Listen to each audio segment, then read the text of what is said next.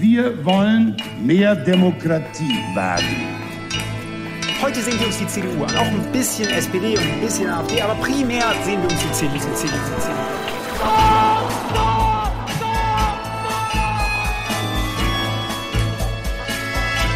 Niemand hat die Absicht, eine Mauer zu errichten. Ich weiß, ich habe heute Morgen in den Spiegel geguckt und dachte, wer ist denn die Hotte Bitch? Werden schon in wenigen Jahren blühende Landschaften, blühende Landschaften geworden sein. Früher waren wir Lametta. Wir haben so vieles geschafft, wir schaffen das. Hallo og velkommen til Tyskerne, episode 119, som alltid med Ingrid Brekke. Og Kai Schwind.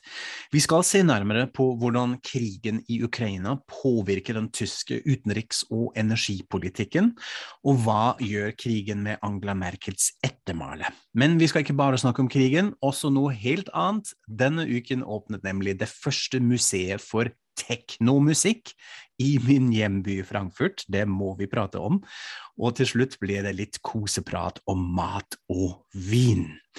Men vil du begynne med den store politikken, Ingrid? Det kan jeg gjøre, vet du. Og den eh, viktigste debatten handler om hvorvidt Tyskland gjør nok. Altså eh, Krigen eh, raser. Vi vet jo alle hvor grusom den er. Eh, sanksjoner er satt i verk. Eh, men kan man burde man egentlig gjort mer. Og fra Ukraina så kommer jo oppfordringa om å umiddelbart slutte å kjøpe eh, gass fra Russland. Det er jo sånn at omtrent halvparten av gassen og en tredjedel av olja i Tyskland den kommer fra Russland, i tillegg til noe kull. Og dette kullet har jo nå EU bestemt seg for å uh, kutte helt i fellesskap. Men så er det først og fremst gassen som er tema. Og flere økonomer i Tyskland har jo regna på hva vil kostnaden bli hvis man rett og slett bare sier nå er det slutt. Og tallene varierer en del, fra 2 til over 6% nedgang i brutto nasjonalprodukt. Altså antagelig mer da enn pandemien har påført eh, landet. Ja, mm, ganske mye. ganske mye. Men mm. det fins jo uh, noen uh, som mener at det, denne måten å tenke på er litt feil. Og en av de, hun er en av disse såkalte Wirtschaftsweise, som ja. altså er uh, eller Weisen, ja, det mhm. heter det vel kanskje? Ja.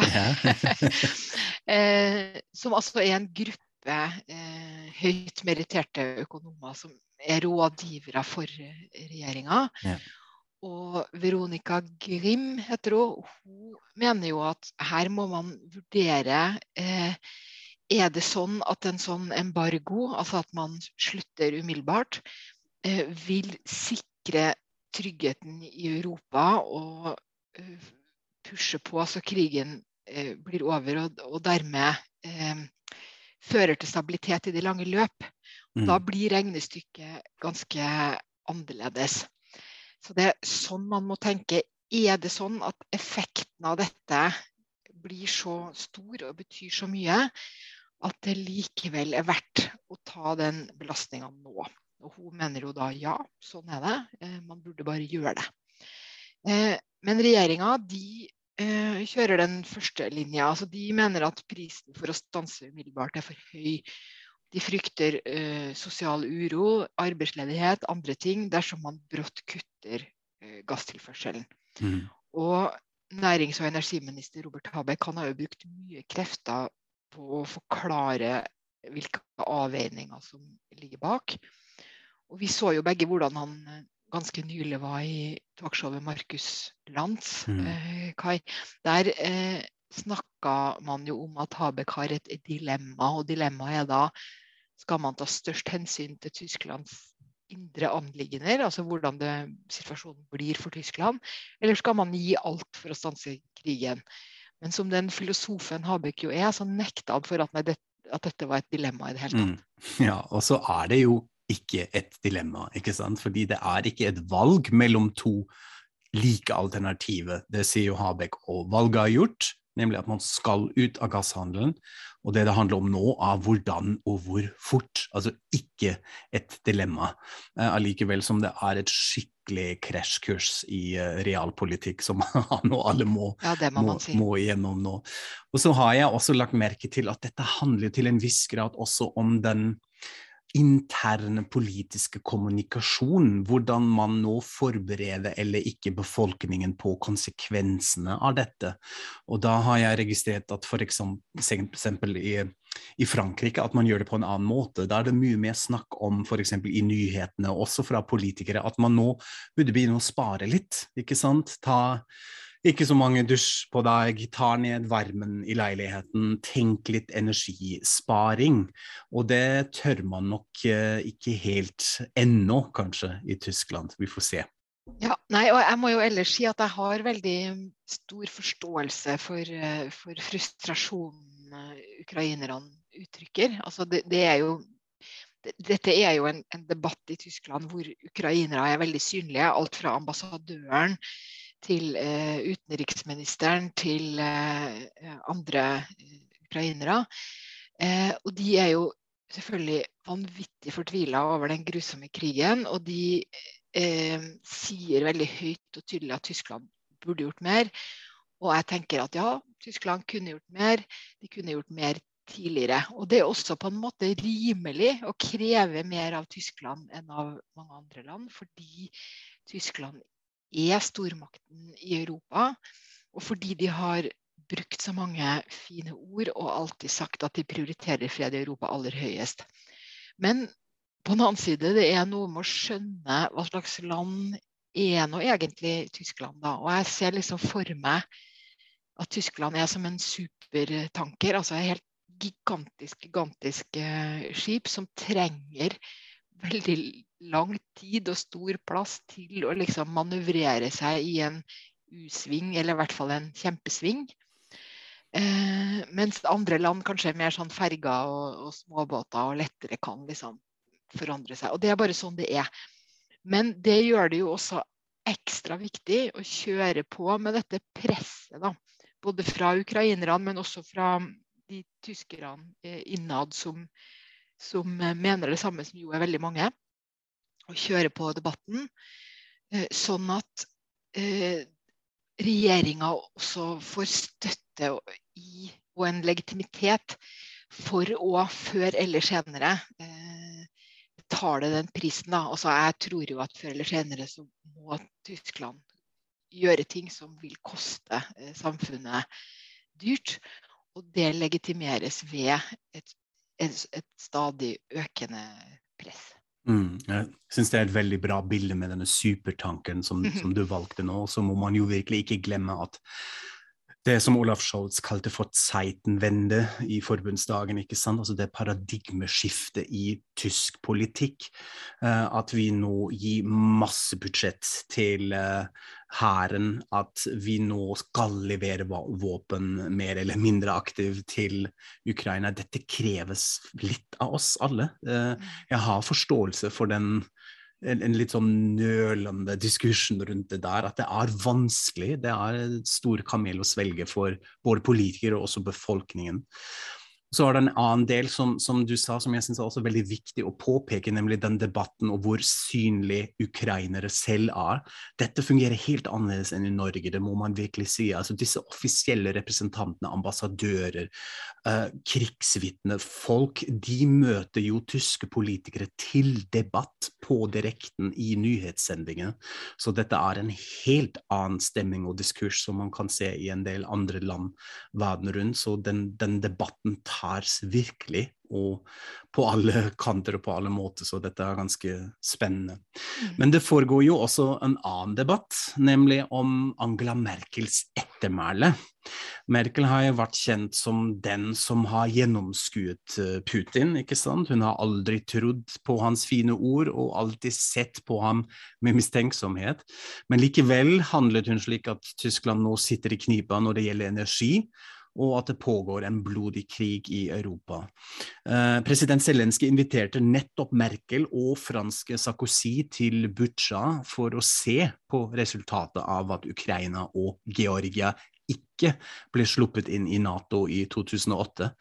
Har hun egentlig svart på denne invitasjonen?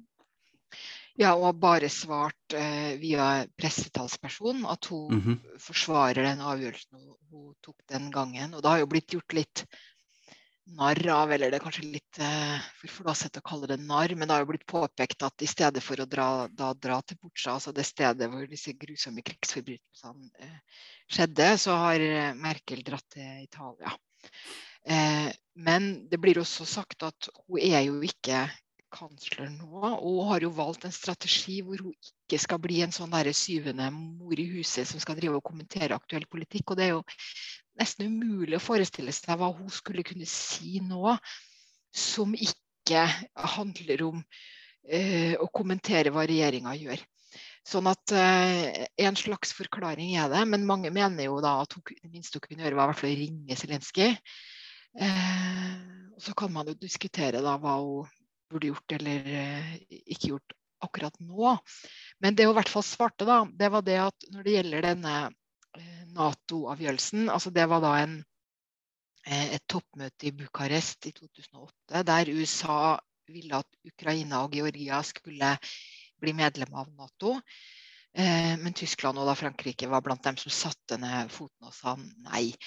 Og det ble masse debatt, og resultatet ble en avgjørelse som nå fremstår som den verst mulige, nemlig at de fikk eh, løfter om et fremtidig medlemskap.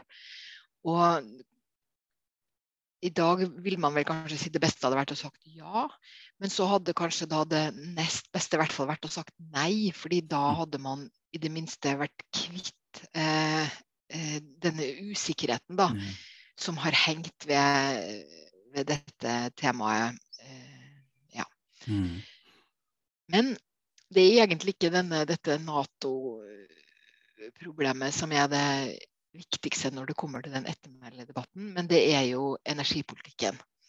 Og er, det er litt mer eh, rimelig å, å kritisere Merkel for tenker jeg.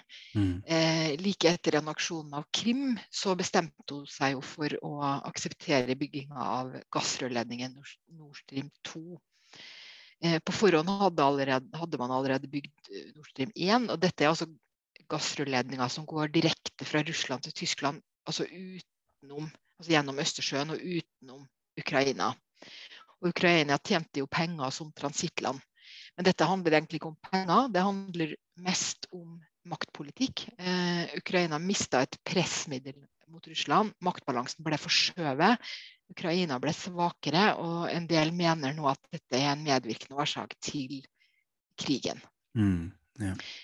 Det har jo kommet fram en del om hvorfor denne avgjørelsen ble tatt. Altså, fordi det rare er jo at det skjedde så rett etter Krim-anneksjonen. ikke sant? Mm.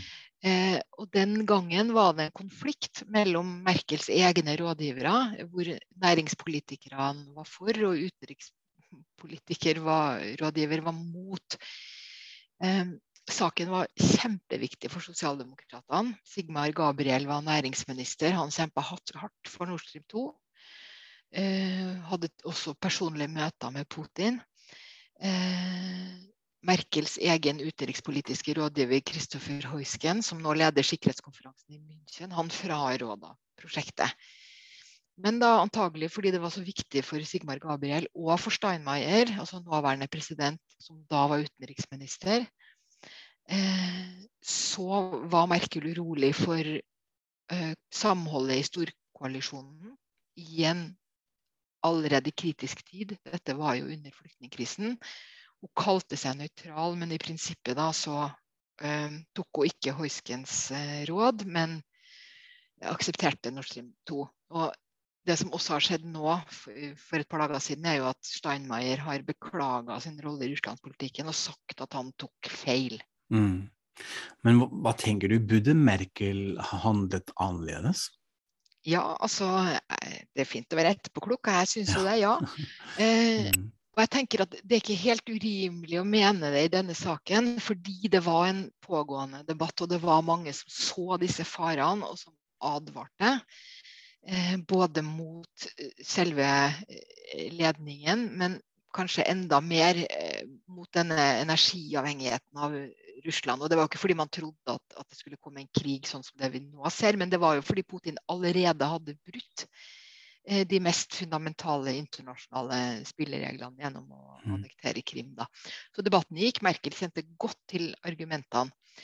På den annen side, innenfor storkoalisjonen, altså i CDO, CSO og, og SPD, så var jo ikke dette noe spesielt omstridt. Man holdt hardt på tanken om at næringsliv og politikk skal være separat. Eh, og at handel var viktig for å kunne påvirke og, og alt dette som vi kjenner så godt. Eh, så kan man jo da si at ja, ja, OK, selv om det var stor enighet i de to regjeringspartiene, så kunne jo Merkel, fordi hun forsto seg så godt på Putin, brukt makta si annerledes og kjørt et slags solospill og satt ned foten og sagt at dette ikke var klokt. Mm. Men sånn er jo ikke Merkel. Altså, det er et eller annet med at eh, hun, hun, har to ganger gjort noe lignende. og Det ene var jo i, etter Fukushima, eh, da, ble, eh, da, man skulle raskere ut av atomkraften. Og det andre var under flyktningkrisen. Men begge gangene fulgte hun folkemeninga. Mm. Men det fantes ikke noe sånn folkemening knytta til Russland da, eh, på den måten. Og kanskje lot Merkel seg villede av at hun likte så godt å være populær. Det skriver i hvert fall Tina Hildebrandt i en artikkel i ditt site. Kanskje det beste jeg har lest om denne eh, debatten så langt. Da.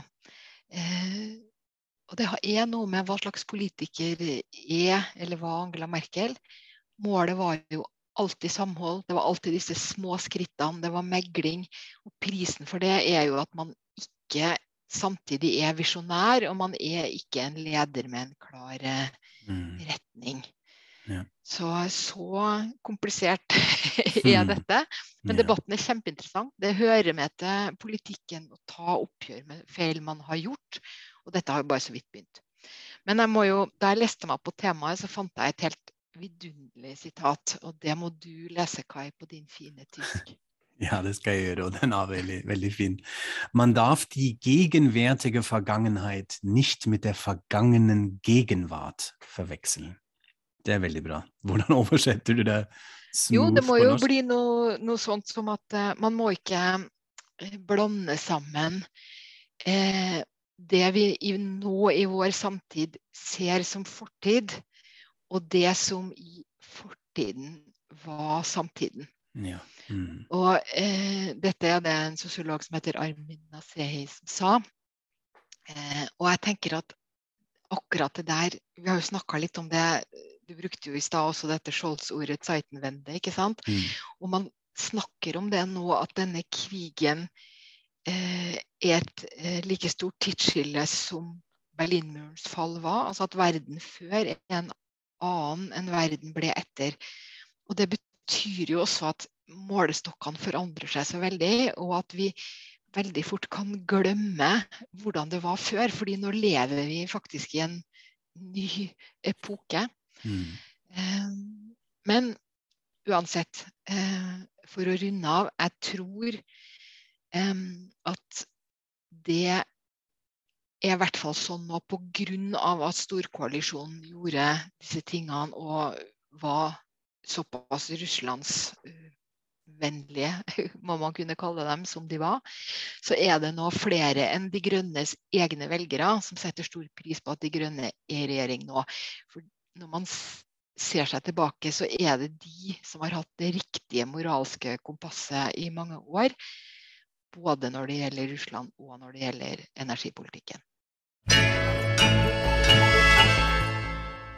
Nå syns jeg vi må snakke om noe helt annet, og da passer det seg at det skjer noe spennende. I min hjemby Frankfurt am Main i går åpnet nemlig det første museet for moderne elektronisk musikk, Museum of Modern Electronic Music, og vi er jo veldig glad i forkortelser og akronymer i Tyskland, så det har fått sin egen MOMEM, heter den, midt i sentrum av byen. Um, og det hele ble markert med en høytidelig seremoni i selveste Paulskirche i Frankfurt.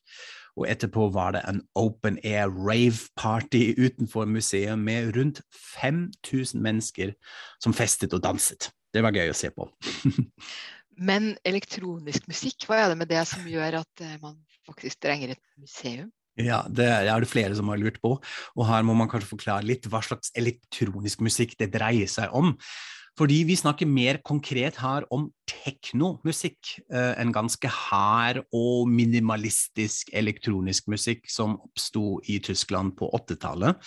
Tyskland har jo preget elektronisk og syntetisk musikk med bl.a. band som Kraftwerk, som vi har jo snakket om her i podkasten i episode 91, faktisk. Men senere utviklet det seg også en ganske spesielt og spesifikk sound som har fått, og fortsatt har, mange navn. Men tekno ble altså begrepet som den ble verdenskjent med. Og det var hovedsakelig sub- og klubbkulturene fra to byer i Tyskland som har preget tekno. Den ene var i Berlin, og den andre altså i Frankfurt. At det skulle være Berlin er jo ikke så veldig overraskende, da, men ja. Frankfurt? Skal du si noe stygg om hjembyen din Frankfurt? At vi ikke har hip on happening? At vi har kanskje vært det på 90-tallet? Litt, kanskje. ja, skjønner det. Men vi var det, altså. Eh, det har med en eh, rekke musikklubber og DJs å, å gjøre som skapte denne sounden. Klubber med eksotiske navn som Dorian Gray, Omen XS, O60311 og senere også Cocoon-klubben. Og spesielt klubbene Dorian Gray, som lå midt på flyplassen eh, i Frankfurt, og klubben Omen var helt essensielle i å fremme tekno som en ny sjanger innenfor elektronisk musikk. Og da var det DJs og musikkprosenter som Talla 2XLC, Torsten Fenslau og kanskje aller mest kjent Sven Fet. De produserte musikk eh, skreddersydd for atmosfæren og folka i klubbene de selv jobbet i som DJs, og hvor de da kunne teste ut det de hadde laget. Og Etter hvert ble det så populært at folk fra hele landet og hele Europa faktisk kom til Frankfurt for å feste i disse klubbene. Og så fikk musikken også et navn, nemlig Sound of Frankfurt, og ble verdenskjent. Hva slags musikk er Sound of Frankfurt, da? Ja, Vi må jo beskrive det litt. Altså, den er jo påvirket av ulike musikalske retninger og strømninger um, og uttrykk. Kraftverk har vi jo nevnt allerede, men det var også påvirket av housemusikk, som kom fra Detroit og Chicago i USA. Og den mer kommersielle siden av Sound of Frankfurt, som man også kjenner til i Norge, er um, synlig i sånne prosjekter som Culture Beat. Uh, de hadde en superhit med Mr. Vane, altså den her.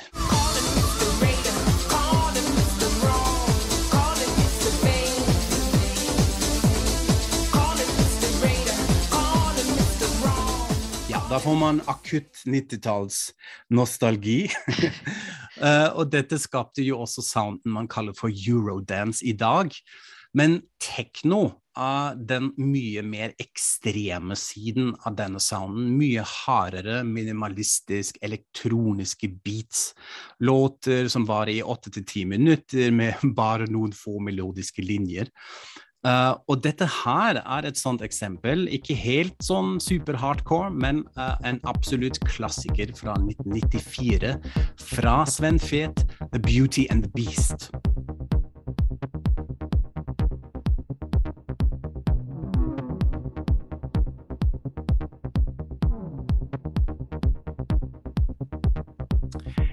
Ja, dette fungerer nok aller best i en klubb med stroboskoplys og masse narkotika, vil jeg si. ja, og nå må jeg jo da spørre, gikk du selv på disse klubbene, Kai? ja, jeg var på alle de klubbene faktisk jeg nevnte innledningsvis, sånn iblant i hvert fall. De fleste av dem fins jo ikke lenger. Men så var jeg nok litt for ung uh, for å få med meg denne første bølgen på slutten av 80-tallet. Men på 90-tallet var Frankfurt ganske preget av denne techno-sounden. Jeg hadde også mange venner som likte å klubbe til dette. Jeg må nok si at jeg selv var ikke så interessert i denne type musikk. Den var litt for kald og sjeleløs for meg. Jeg likte egentlig en litt sånn annen klubbsound som også fantes på denne tiden, som var mye mer preget av housemusikk eller acid jazz, som vi kalte det. Litt mer livemusikk også. Uh, og Frankfurt har jo også en stor jazzhistorie, så det fantes mange klubber for sånne som meg òg, heldigvis. Jeg måtte ikke danse til tekno hele tiden. Og så var jo teknolyden til en ganske eksessiv klubbkultur, må man jo si. Dette var raves, altså party som varte i mange dager i ett. Det var masse narkotika inne i bildet. Altså ecstasy, denne, denne pillen, ble jo også ganske populær på denne tiden. Uh, og, og, ta piller og hoppe rundt i fetisjklær på dansegulvet. Det er ikke helt min greie, Ingrid. jeg vet ikke om jeg ble litt skuffa nå. Ja, jeg syns også at jeg er litt ukulere nå, når jeg sier det på den måten. Men jeg må jo si at jeg senere syntes også at tekno hadde blitt litt harry og litt pinlig, i, i hvert fall når det blir litt mer mainstream. Men, og det er ganske interessant, jeg har også registrert at den unge generasjonen, altså folk i 20-årene i dag, oppdager 90-talls tekno, og da spesielt den sounden fra Frankfurt, på nytt. Og dette gjelder også folk i Norge. Da hadde jeg en ganske morsom opplevelse med noen av mine studenter. Uh, som har startet et eget klubbkonsept her i Oslo, og et eget plateselskap, uh, faktisk, som heter Uteklubben, uh, hvor de produserer minimalistisk teknomusikk med nettopp denne estetikken og denne sounden fra 90-talls Sound of Frankfurt. Det var jo veldig stas, og de, de, trodde jo ikke det var sant når jeg fortalte at jeg faktisk hadde vært på disse klubbene, at jeg hadde vært på Omen og Dorian Gray og Uh, de så på meg som med store øyne, liksom bestefar forteller fra krigen. ikke sant? Har du det? Og jeg kunne litt sånn sende til dem lenke til arkivet på nettet med gamle flyers, og de er jo også interessert i den estetikken, hvordan platecoveret så ut, osv. Så, videre.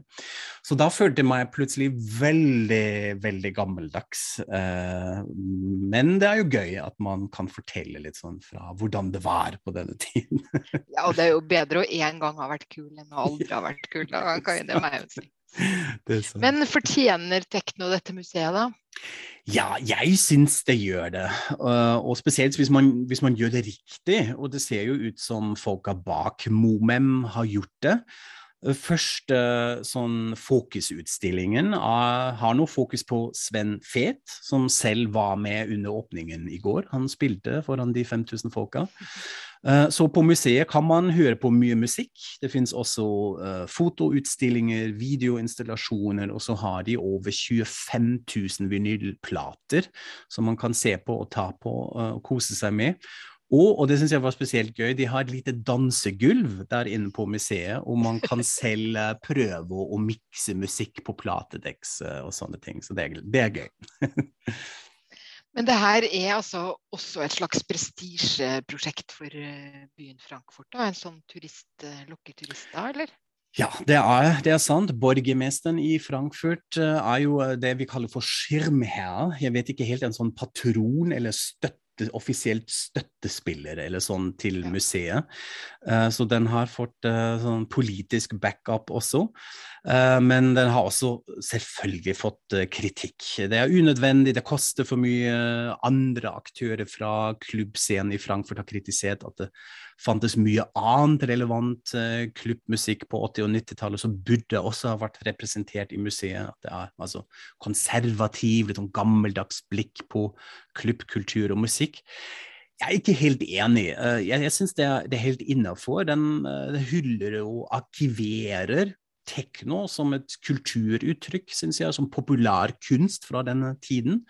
Og den skal være et slags interaktiv, levende arkiv. Eh, og det syns jeg høres ganske gøy og relevant ut, spør du meg. Jeg skal jo en tur hjemover nå i påska, og da tenkte jeg faktisk besøke museet. Jeg er ganske spent, så kan jeg legge ut noen bilder og inntrykk og sånn på vår Instagram-kanal. At du danser med gassmaske, var det ikke sånn? Jeg kan ta på eh, fetisj gassmasker og sånn, og late som jeg har gjort det på 90-tallet. skal jeg gjøre. Men nå, Ingrid, er vi alle veldig spente. Hvordan er det i Wien? Hva har du gjort? Wien er jo vidunderlig nå. Det er vår, det er sol, og ikke minst er det veldig god mat. Og det er litt svaret på hva jeg har gjort. Jeg har jo jeg har jo jobba og sittet ved skrivebordet som jeg ellers ville gjort, da. Men jeg har også vært mye ute og spist. Ja, så bra. Og da er jeg mest interessert på nå, har du spist spargel? Asparges, hvite asparges?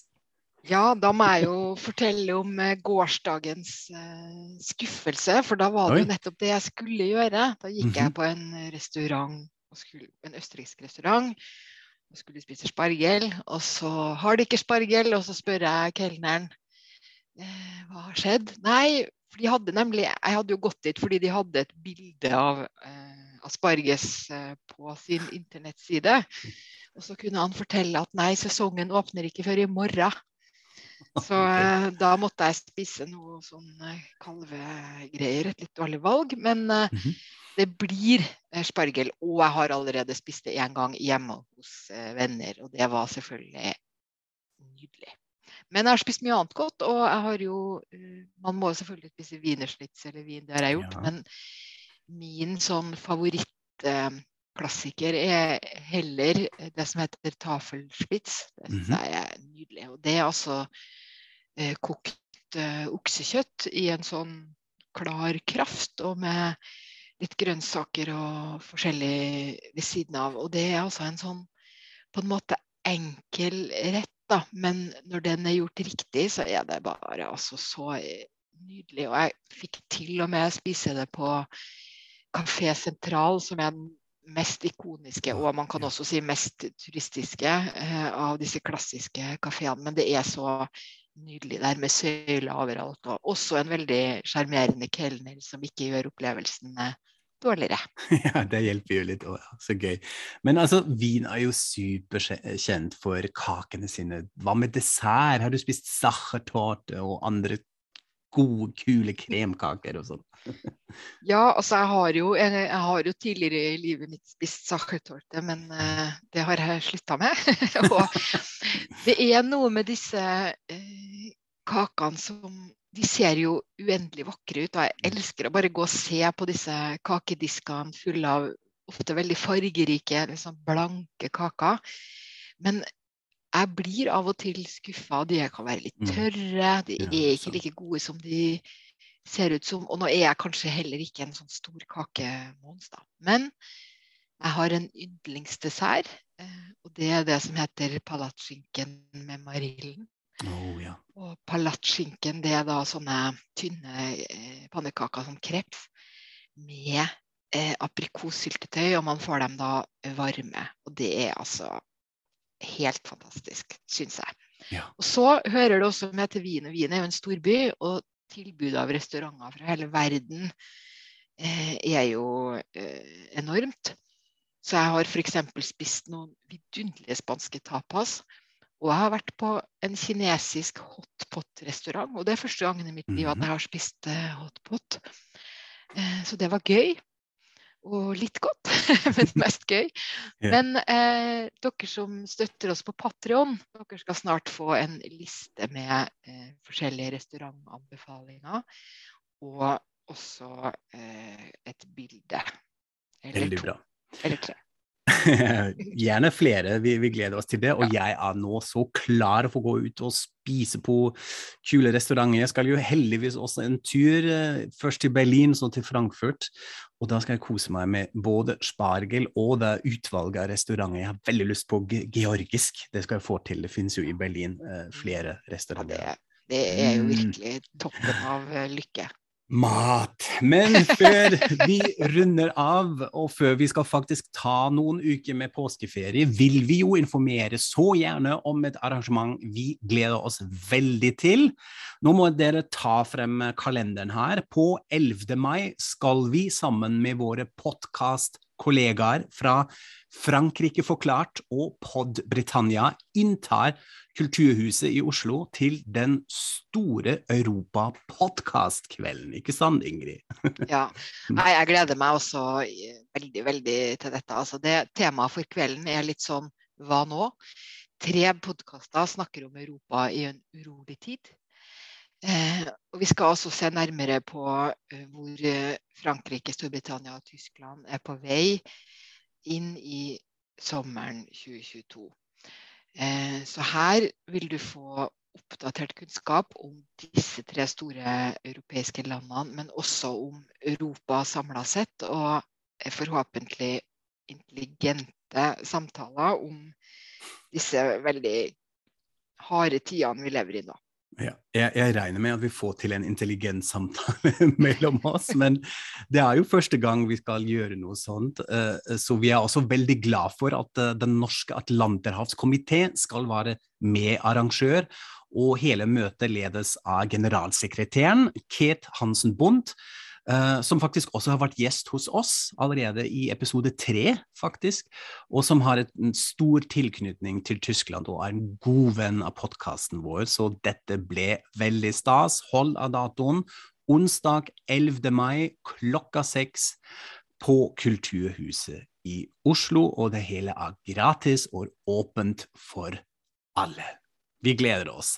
Da sier vi takk for oss. God påske til alle dere. Vi høres om noen få uker, men følg oss gjerne uh, på Facebook og Instagram i mellomtiden. Da skal vi være litt aktive og legge ut bilder av meg i fetisjklær og sånne ting. Så auf Wiederhören! Auf Wiederhören!